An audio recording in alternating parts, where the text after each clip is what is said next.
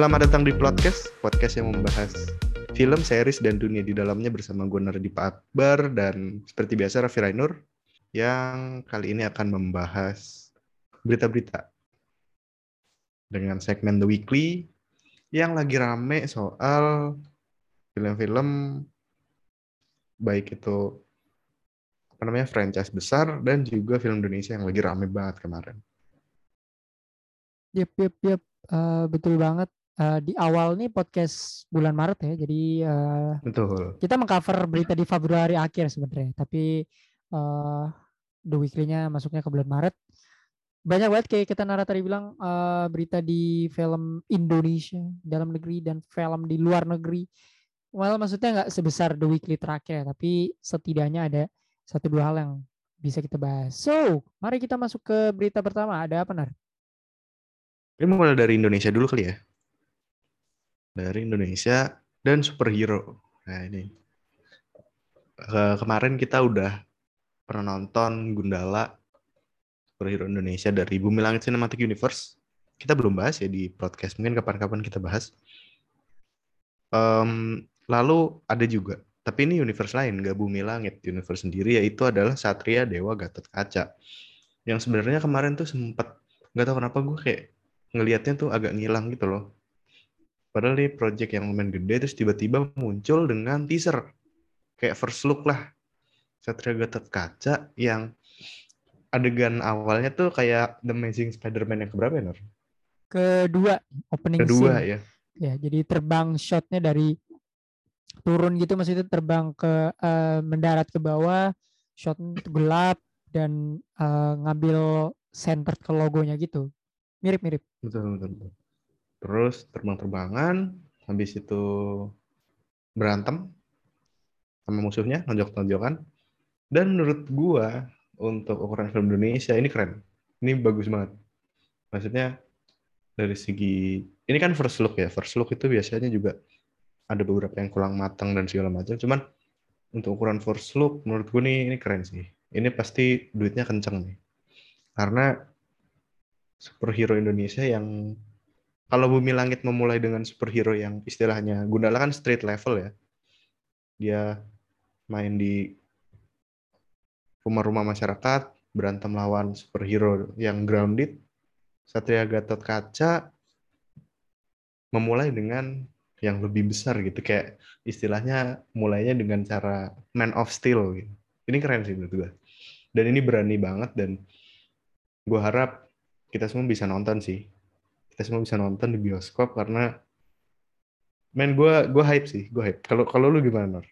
Same same uh, walaupun agak raw banget ya CGI-nya tapi kayak kata lu tadi untuk ukuran film Indonesia this will be fun. Uh, gue nggak bilangnya akan sangat-sangat bagus, tapi akan sangat menyenangkan untuk ditonton karena ya Betul.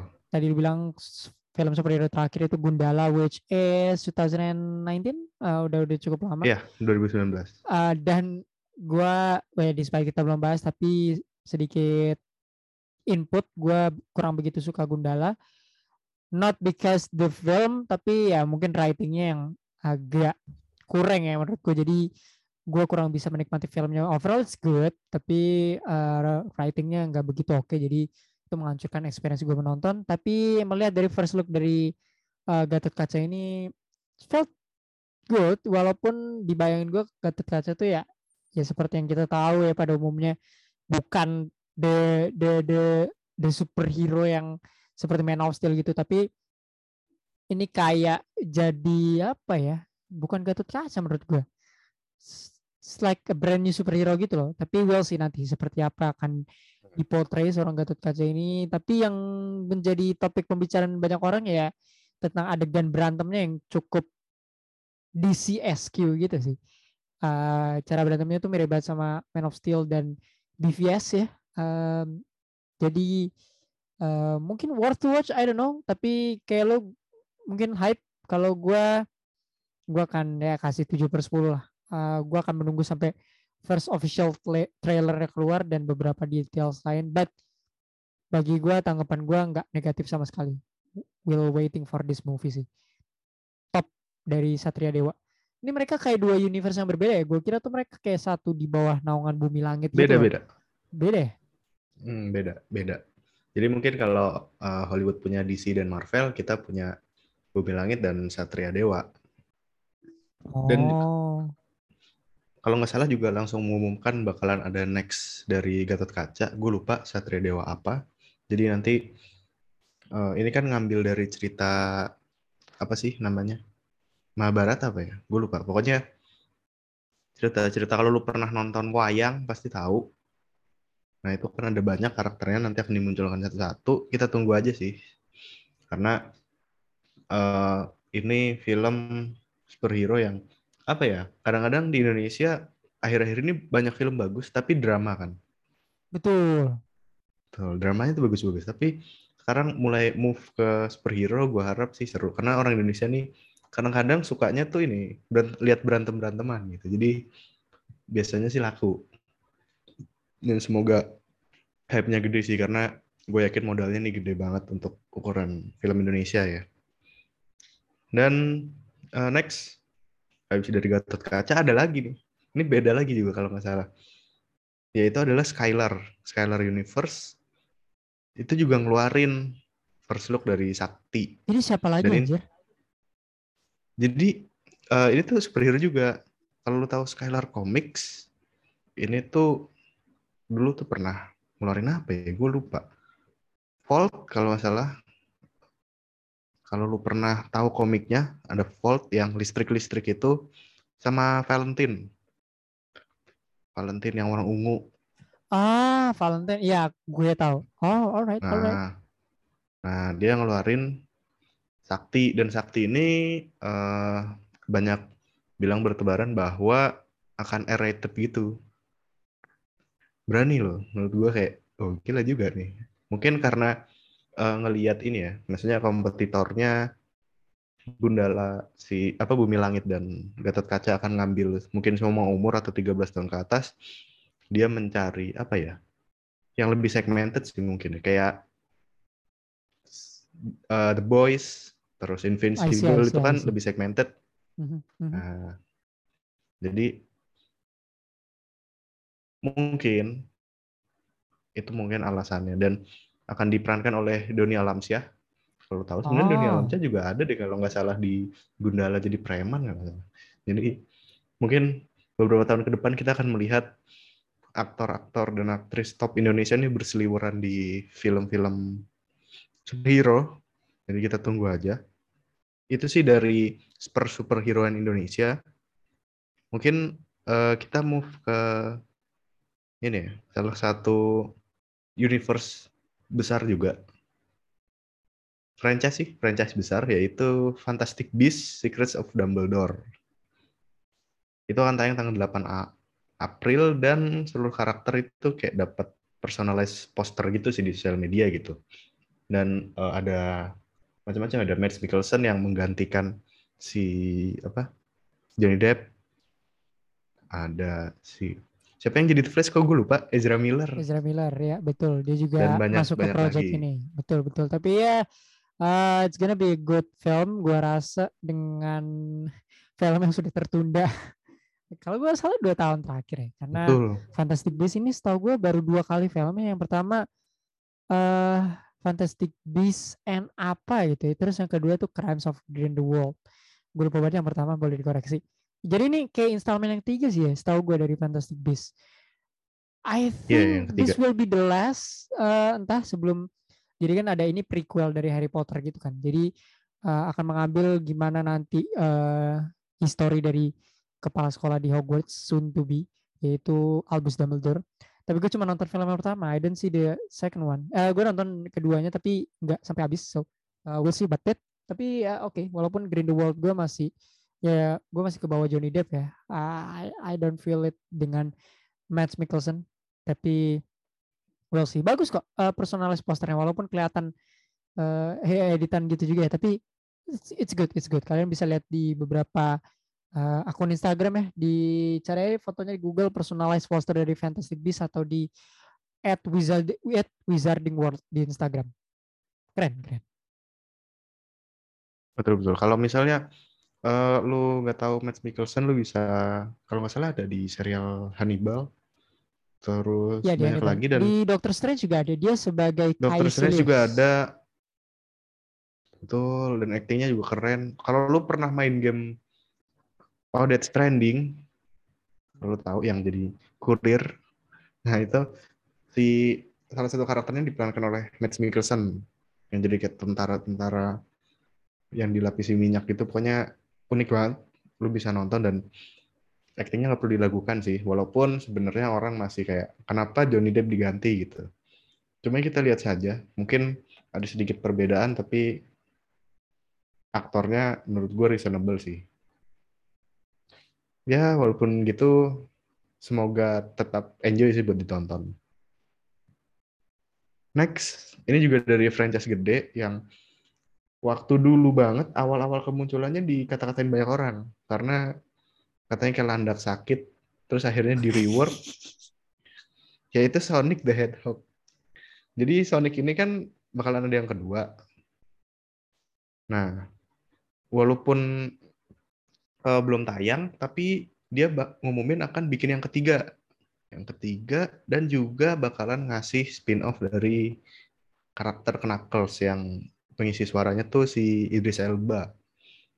Jadi uh, nanti setelah yang kedua akan ketiga dan spin-off dan yang kedua ini ada Jim Carrey lagi ya, comeback lagi ya. Ah, uh, man, terlalu banyak di nyata ini kayak pede banget ya Paramount untuk uh, Iya ini. kayak apa ya ini belum mulai loh Sonic kedua tapi mereka udah pede banget untuk ngeluarin dua ke depannya. Sonic the Hedgehog ketiga sama spin-off-nya Knuckles yang akan diperankan di Idris Elba. Menurut gue ini cukup ambisius dan cukup pede. Overconfident banget dari Paramount. Kayak emang bakal sukses banget film keduanya but we still don't know akan tayang tahun ini tapi menurut gue ini langkah yang cukup ambisius dan overconfident aja sih Nar. Uh, probably karena mereka melihat kayaknya film keduanya bagus sekali. Jadi kita akan mengeluarkan trilogi gitu ya. Uh, dan film keempat. Ya emang Sonic tuh filmnya cukup luas gitu ya. Uh, berkaca dari video gamenya sangat banyak sekali karakter yang bisa di um, sangat, banyak sekali yang bisa di expand ya nggak masalah sih cuman kayak overconfident aja sih menurut gue but it's it's gonna be good I think the film karena yang pertama lumayan enjoyable walaupun it's not a 8 per 10 movie tapi uh, bagi gue untuk ukuran uh, pemain Sonic ah pemain Sonic gitu menurut gue oke okay.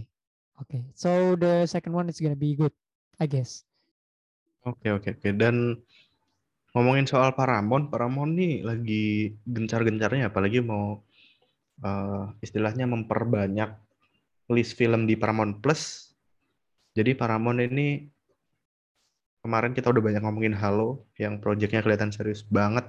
Terus ini ada Blues Clues. Jadi ini Blues Clues No Way Home. Tiga-tiga karakter yang nemenin Blues, Blues Clues nih akan no muncul gitu. Betul. Jadi akan nemenin si Blues, si tiga-tiga karakternya ada Steve, ada pokoknya ada tiga. Gue gue lupa siapa. Dan menurut gue ini salah satu apa ya?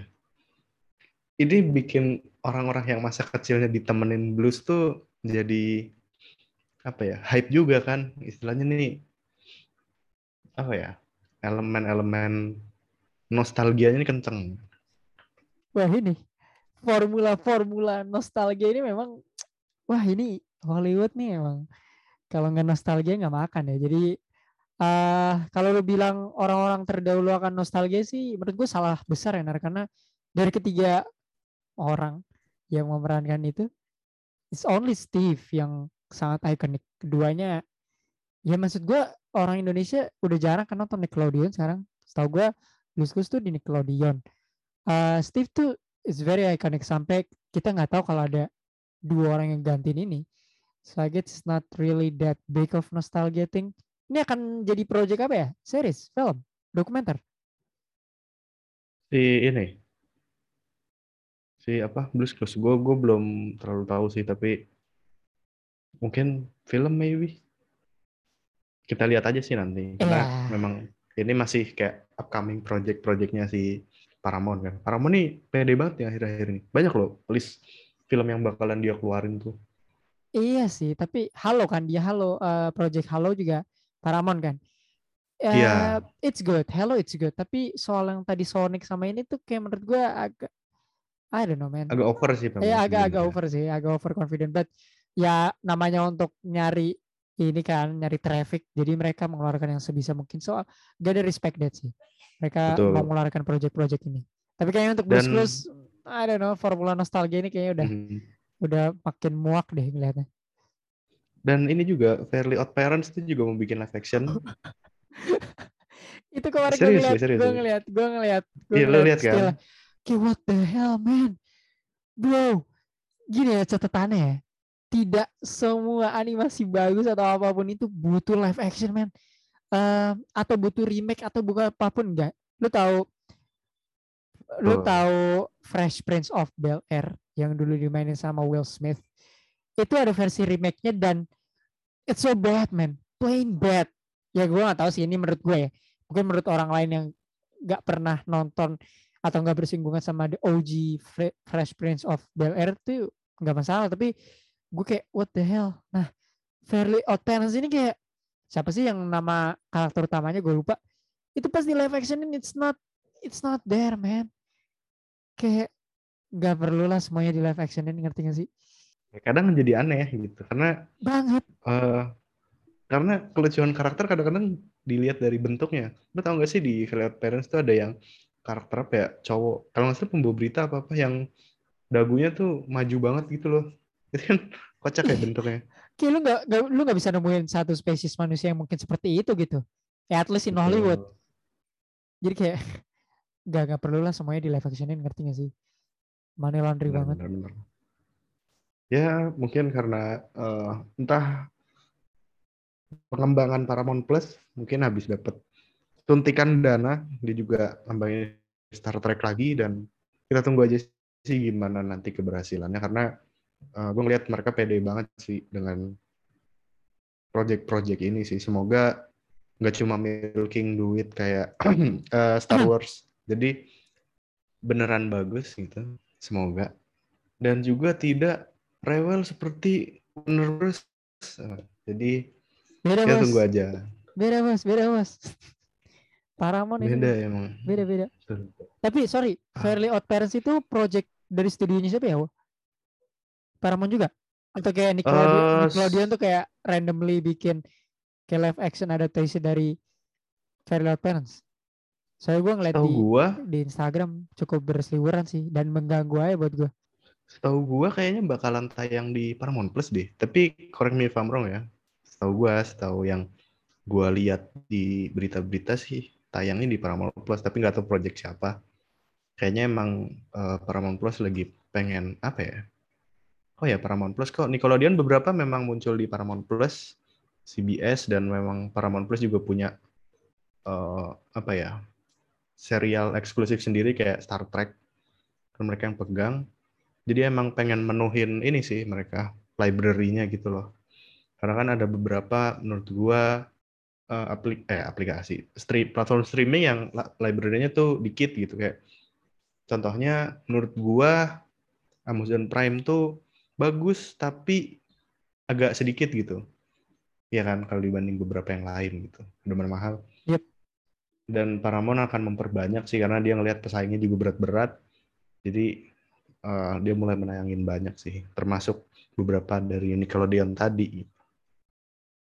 alright alright Dan next ada ini, salah satu sutradara kesukaan kita semua ya, yaitu Christopher Nolan, yang sekarang juga eh, udah pindah studio ya, biasanya kan sama Warner Bros. Warner Bros.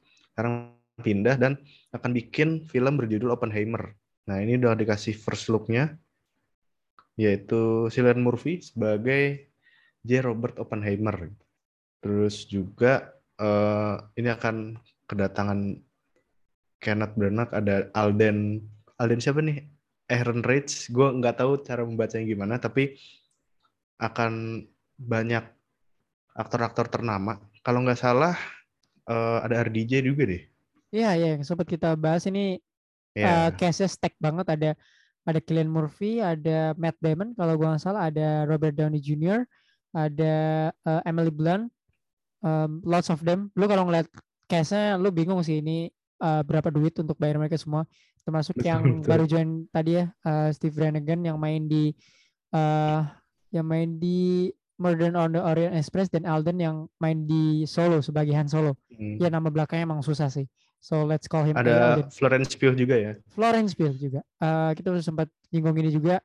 Sejauh ini pembahasan tentang Oppenheimer ada di The Weekly, jadi lu boleh cek The Weekly terdahulu apakah kita uh, ada di mana kita Betul, bahas betul. op- uh, Oppenheimer. Tapi this movie is gonna be big man. Mulai dari castnya dan gue cukup terkejut ternyata uh, Cillian Murphy yang jadi Robert J Oppenheimer-nya instead of Robert Downey Jr. Iya, iya.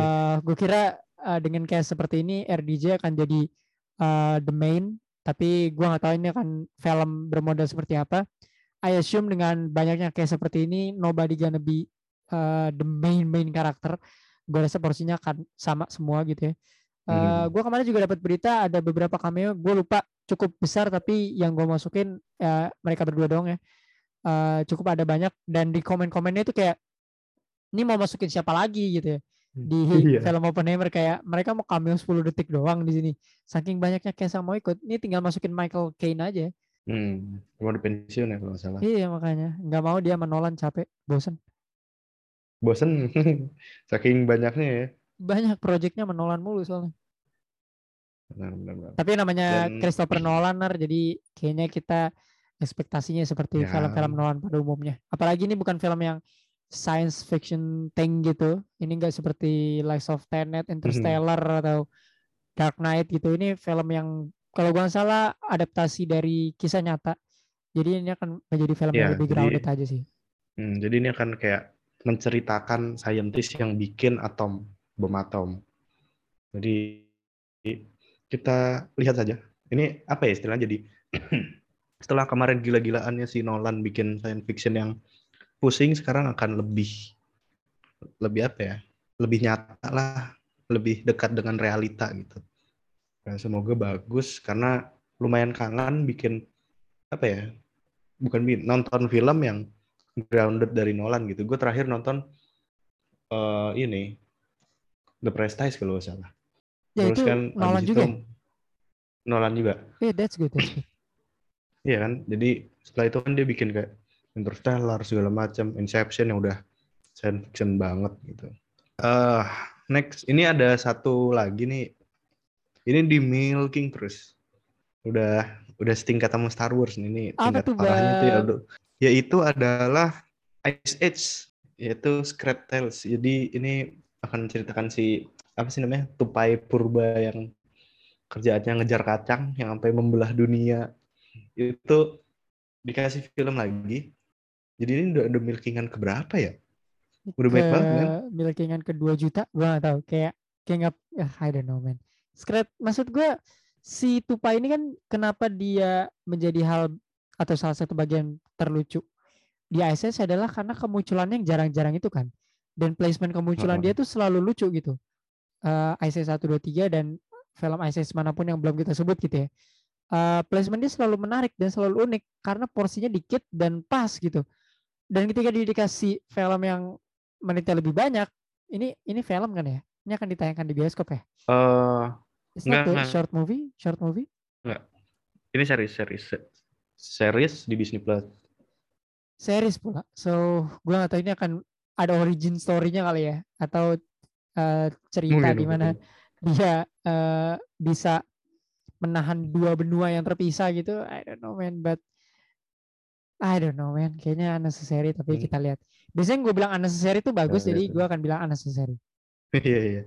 Jadi kita lihat aja sih soalnya kadang-kadang capek ya ngelihat universe atau franchise itu di milking terus kayak Star Wars atau Ice Age gitu kayak kadang sampai di fase di mana gue nonton sekedar nonton gitu nggak yang ngikutin banget kan kayak contohnya eh, banyak lah event DC pun juga kemarin gue nonton sekedar have fun karena lumayan capek ya. sekarang tuh banyak banget loh franchise tuh banyak banget DC Marvel Star Ada. Wars, Star Wars Star Trek, Universal Indiana Jones.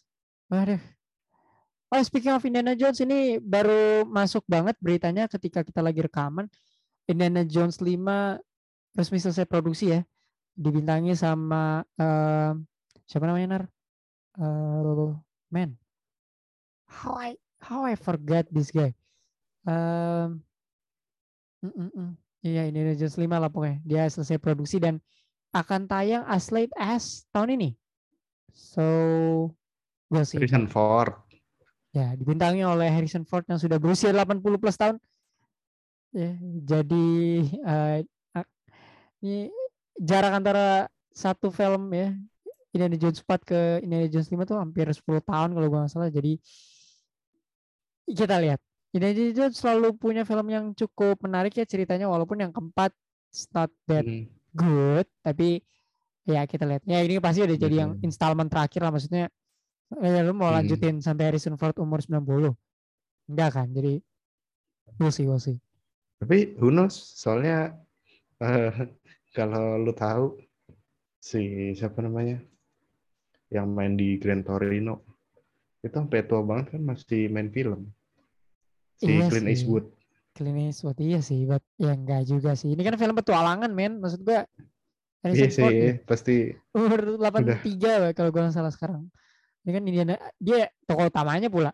Bukan bukan side hmm. character atau apa pun. Tapi karena kita udah ngomongin formula nostalgia tadi gue bau-baunya nih ada ada formula nostalgia juga di film ini. Tapi I don't know. Uh, trailernya belum ada berita-berita lainnya belum ada. Yang pasti selesai produksi per tanggal 28 Februari ini. Hmm.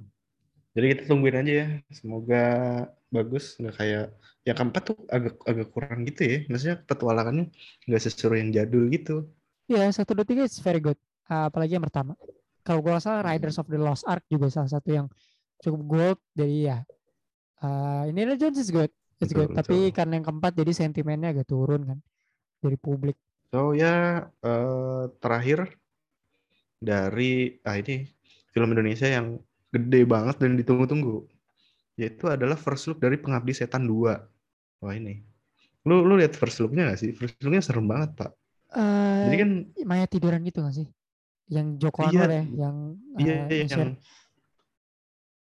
lilin gitu terus ada ada mayatnya kayak gue mayatnya harus lu harusin dulu brightnessnya dinaikin dulu terus kayak kok gila nih serem banget mana gue liatnya malam-malam gitu kan ini akan jadi salah satu horor yang bakal hype banget sih orang-orang gitu. Menurut gue ya karena pengabdi setan bro. Pengabdi setan laku habis kan. Dan bagus. Yeah. dan lu apa kalau akan nungguin? Nggak tahu. Saya karena aduh gue nggak kuat bro nonton kayak gini. Maksudnya I watch uh, few clips gitu ya. Uh, di YouTube waktu itu gue iseng-iseng aja pengen uh, nonton. Biasanya kan YouTube ada nyediain yang per clips gitu kan walaupun gak banyak. Yang paling banyak ya lu ke TikTok aja. Terus juga nemu di FVP uh, eh, ini cukup mengerikan ya. Maksud gue bukan mengerikan in terms of bunuh-bunuhan tapi kayak wah men gue sebagai non horror enjoyer ya udah nggak kuat gue. Padahal nonton per clip loh apalagi satu film. Dan untuk film yang kedua ini um, we'll see nanti ya apakah gue berani untuk nonton dan bahas atau tidak. Tapi Pengabdi Setan itu sempat di quote sebagai one of the best if not the best Indonesian horror movie out there. Jadi kayaknya kedua Joko Anwar menyajikan sesuatu yang lebih mengerikan ya. Judulnya Komunion kalau gue salah. Komunion itu berasal dari kata komunal hmm, kalau gue salah. Uh, bersama-sama. So sepertinya akan lebih besar dan lebih kejam sih. Dan lebih menyeramkan ya pasti. Gonna be one of the best Indonesian horror movie out there. Gue rasa. Karena Joko Anwar tidak pernah tidak mengecewakan uh, kalau bikin horror. So untuk para big, huge horror enjoyer di luar sana, film ini buat lu men. Karena udah lama film horror ya. di bioskop nggak tayang gitu, jadi kayaknya orang udah rindu untuk nonton film hmm. horror via bioskop sih. Hmm, apalagi horror yang istilahnya bagus dan gede banget ya dan Seram. Itu yang paling penting seram. Betul. Jadi mengembalikan apa ya istilahnya. Karena horror Indo kan sempat ada di fase di mana jadi bahan ledekan gitu. Pocong yang Mr. Bean lah. Pokoknya aneh-aneh deh. Udah gitu vulgar. Jadi istilahnya 10 tahun belakangan ini bakalan mengembalikan horor Indonesia sebagaimana seharusnya sih. Jadi bakalan keren dan who knows siapa tahu masuk festival film internasional lagi dan lebih dikenal lagi. Semoga ya. Yep. Itu aja sih sebenarnya berita untuk uh, Maret awal ya hitungannya. Karena ini akan aku dia Maret awal. Dan uh, terakhir movie recommendation. Mungkin gue dulu gue gue ada serial rekomendasi sih dari Korea. Judulnya adalah uh, Juvenile Justice. Jadi ini tuh tentang hakim yang uh, ngurusin pelanggar hukumnya tuh anak-anak gitu, anak-anak di bawah umur dan dia mengadili anak-anak di bawah umur yang melakukan kriminal. Ini menurut gue bakalan bagus banget karena gue ngeliat trailernya gila. Ini bakalan yang suka politik pasti betah nontonnya. Pemerannya juga oke-oke dan udah keluar semua episodenya kalau gue tidak salah ada 10 di Netflix. Langsung nonton aja buat yang suka politik. Ini pasti jos sih. Apalagi film politik Korea tuh biasanya bagus-bagus gitu walaupun gelap banget tapi bagus gitu. Kalau lu ada nggak mungkin rekomendasi? Uh, gue belum nyiapin tapi akhir-akhir ini uh, di saat podcast ini diambil ya. Uh, setelah ini gue akan nonton salah satu film yang cukup sering lewat di TikTok gue ya. Cuplikannya itu All the Bright Places. Ini salah satu film yang menceritakan tentang uh, bahwasannya suicidal thoughts ya itu bukan sesuatu yang uh, biasa aja. So ya tentang itu di mana lu menyelamatkan orang dari perilaku suicidal tapi lo sendiri ternyata tidak bisa menyelamatkan diri lo sendiri sih. So it's basically a good movie. Ya ada bumbu-bumbu romance di situ tapi ya kalau lo memikirkan atau punya pikiran suicidal gitu just watch this movie sih. Ya bisa dibilang film ini punya pesan untuk keep living ya. Uh, setiap orang punya alasan untuk hidup. So ada di Netflix juga uh, film uh, bentuknya jadi bisa tonton. Uh, pemeran utamanya tuh kalau kalian tahu yang mainin jadi yang ada di Pokemon tuh, yang gue inget ya. Jadi uh, gue lupa siapa namanya, uh, tapi salah satu movie recommendation gue di The Weekly edisi Maret ini adalah All the Bright Places. Siapa tahu lu belum nonton karena sering seliweran di TikTok gue, silahkan ditonton. Pesannya oke. Okay. Jadi itu aja dari kita untuk segmen The Weekly. Thank you udah dengerin berita-berita yang kita obrolin di sini. Jangan lupa juga buat follow atau like juga Instagram kita at podcast by plus 62 dan ada rating ya di Spotify. Betul. Kalau kalian mau rate silahkan. Kalau suka kasih bintang terbanyak. Dan itu aja. Dengerin juga episode-episode lainnya. Kemarin kita habis bahas Peacemaker dan juga breakdown trailernya si Multiverse of Madness. So, sampai jumpa di episode berikutnya.